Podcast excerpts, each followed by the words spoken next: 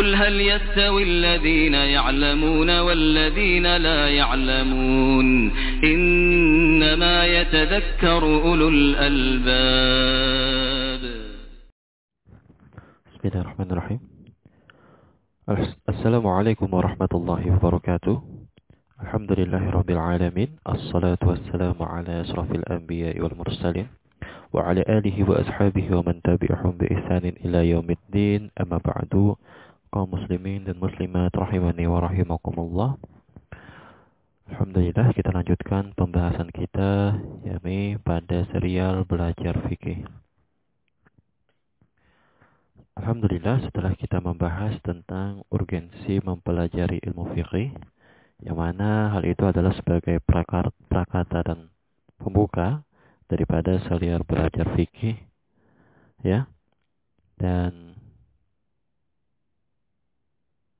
marilah kita akan membahas pembahasan inti. Kita mulai memasuki pembahasan fikih itu sendiri setelah kita membahas uh, apa beberapa mukaddimah ya pada urgensi mempelajari ilmu fikih yang ada enam bagian kemarin ya. Nah, mari kita membahas pembahasan inti yaitu pembahasan fikih tentunya. Uh, saudara-saudariku yang dirahmati Allah Subhanahu wa taala telah dimaklumi di dalam kitab-kitab fikih ya. E, susunan pembahasan biasanya pembahasan fikih biasanya itu berawal dari kitab toharah ya. Pembahasan toharah. Kemudian dilanjutkan dengan pembahasan kitab salat, lalu kitab zakat, lalu kitab puasa atau kadang juga kebalik ya. Puasa dulu, ya. Puasa dulu baru zakat. Kemudian kitab manasik atau haji. Dan sini juga ada juga yang kebalik yang apa namanya biasanya mendahulukan haji dulu atau e, puasa dulu. Seperti itu ya. Ini berdasarkan hadis yang diterima. Dan seterusnya. Nah, namun pada pembahasan atau program kita, insya Allah kami akan cukupkan apa? Kita akan mulai dengan pembahasan kitab Taharah. Dan nanti kita akan cukupkan sampai kitab manasik saja. Ya. Untuk pada pembahasan belajar fikih ini. Sampai kita manasik yaitu kita manasik itu pembahasan haji di sana. Ya. Dan ini tentunya walaupun cuma sampai kitab manasik, tidak sampai kitab jihad misalkan, ini tentunya membutuhkan waktu yang panjang. Terlebih uh, saya membahas cuma dua kali dalam seminggu, ya. Semoga Allah Subhanahu Wa Taala memberikan kita kesempatan, ya, ilmu dan keimanan serta keistiqomahan.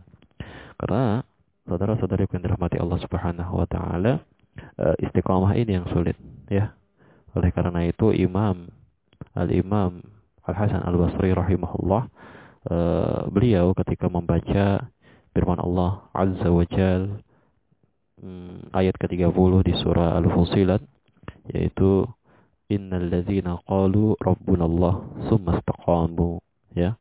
Sesungguhnya orang-orang yang berkata Rabb kami adalah Allah kemudian mereka meneguhkan pendirian mereka. Kemudian mereka istiqamah maka Al-Imam Al-Hasan Al-Basri rahimahullah pun berdoa, beliau berdoa dengan doa Allahumma anta rabbuna warzuqna al-istiqamah.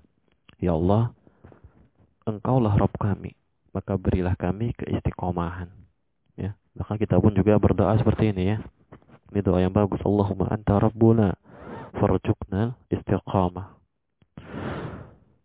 Ya Allah, engkaulah Rabb kami, maka berikanlah kami keistiqomahan. Karena kita nggak akan bisa istiqomah kalau Allah tidak ya memudahkan kita untuk istiqomah.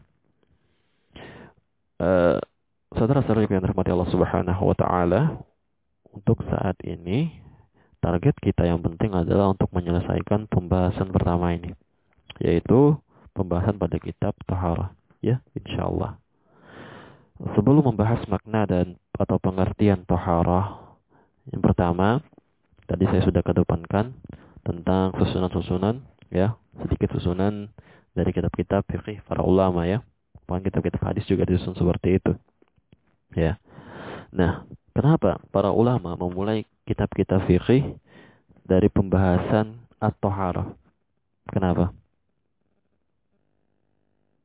Nah, jawabnya adalah karena sholat. Jawabnya karena sholat di sini. Karena sholat adalah rukun kedua daripada rukun-rukun Islam. Setelah dua kalimat syahadat, Rasulullah Shallallahu Alaihi Wasallam bersabda, "Buni al-Islam ala khamsin, syahadati an la ilaha illallah, wa anna Muhammadan Rasulullah, wa iqamis salah, wa ita'iz zakah, wa hajjil bait, wa sawmi Ramadan." Ya, Islam dibangun di atas lima pondasi. Ya, ini syahadat persaksian bahwasanya tidak ada Tuhan selain Allah yang berhak diibadahi dan sesungguhnya Muhammad itu adalah Rasulullah. Ya ini syahadatain. Ini satu rukun.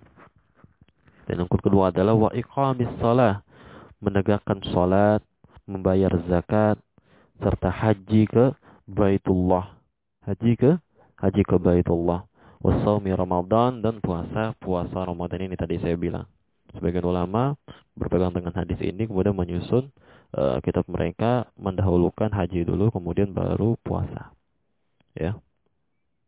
Nah, dan salat Saudara-saudariku yang rahmati Allah Subhanahu wa taala, sebagaimana kita maklumi dia adalah amududdin, ya. Dia adalah tiang agama, amudul Islam. Tiang Islam.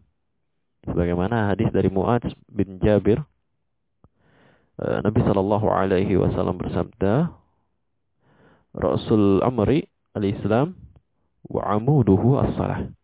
Inti atau pokok segala perkara adalah Islam dan tiangnya, penopangnya itu adalah adalah salat. Hadis riwayat Imam At-Tirmizi dan Ibnu Ibnu Majah. Nah, rukun Islam yang pertama adalah syahadatain. Dua kalimat kalimat syahadat. Dan ini dibahas oleh kitab-kitab akidah dan kitab-kitab tauhid atau kitab akidah dan tauhid. Sedang rukun sisanya ya, salat, zakat, puasa, haji, muamalah ya, yang lainnya ini ada di pembahasan fikih Nah, walaupun rukun pertama salat, namun kita perlu ingat bahwa at-taharah bersuci adalah syarat sahnya salat. Tanpa taharah, maka tidak sahlah salatnya. Karena ini syarat. Dan apabila syarat tak terpenuhi, maka tentunya tidak akan terwujud ya eh, apa namanya buah atau yang disyaratkan itu. Oleh karena itulah eh, dikedepankan pembahasan at-taharah daripada pembahasan sholat. Nah inilah alasan mengapa kitab taharah didahulukan ya. Itu yang dapat kami sampaikan. Wallahu taala alam. Mudahan mudah-mudahan bisa dimengerti ya sedikit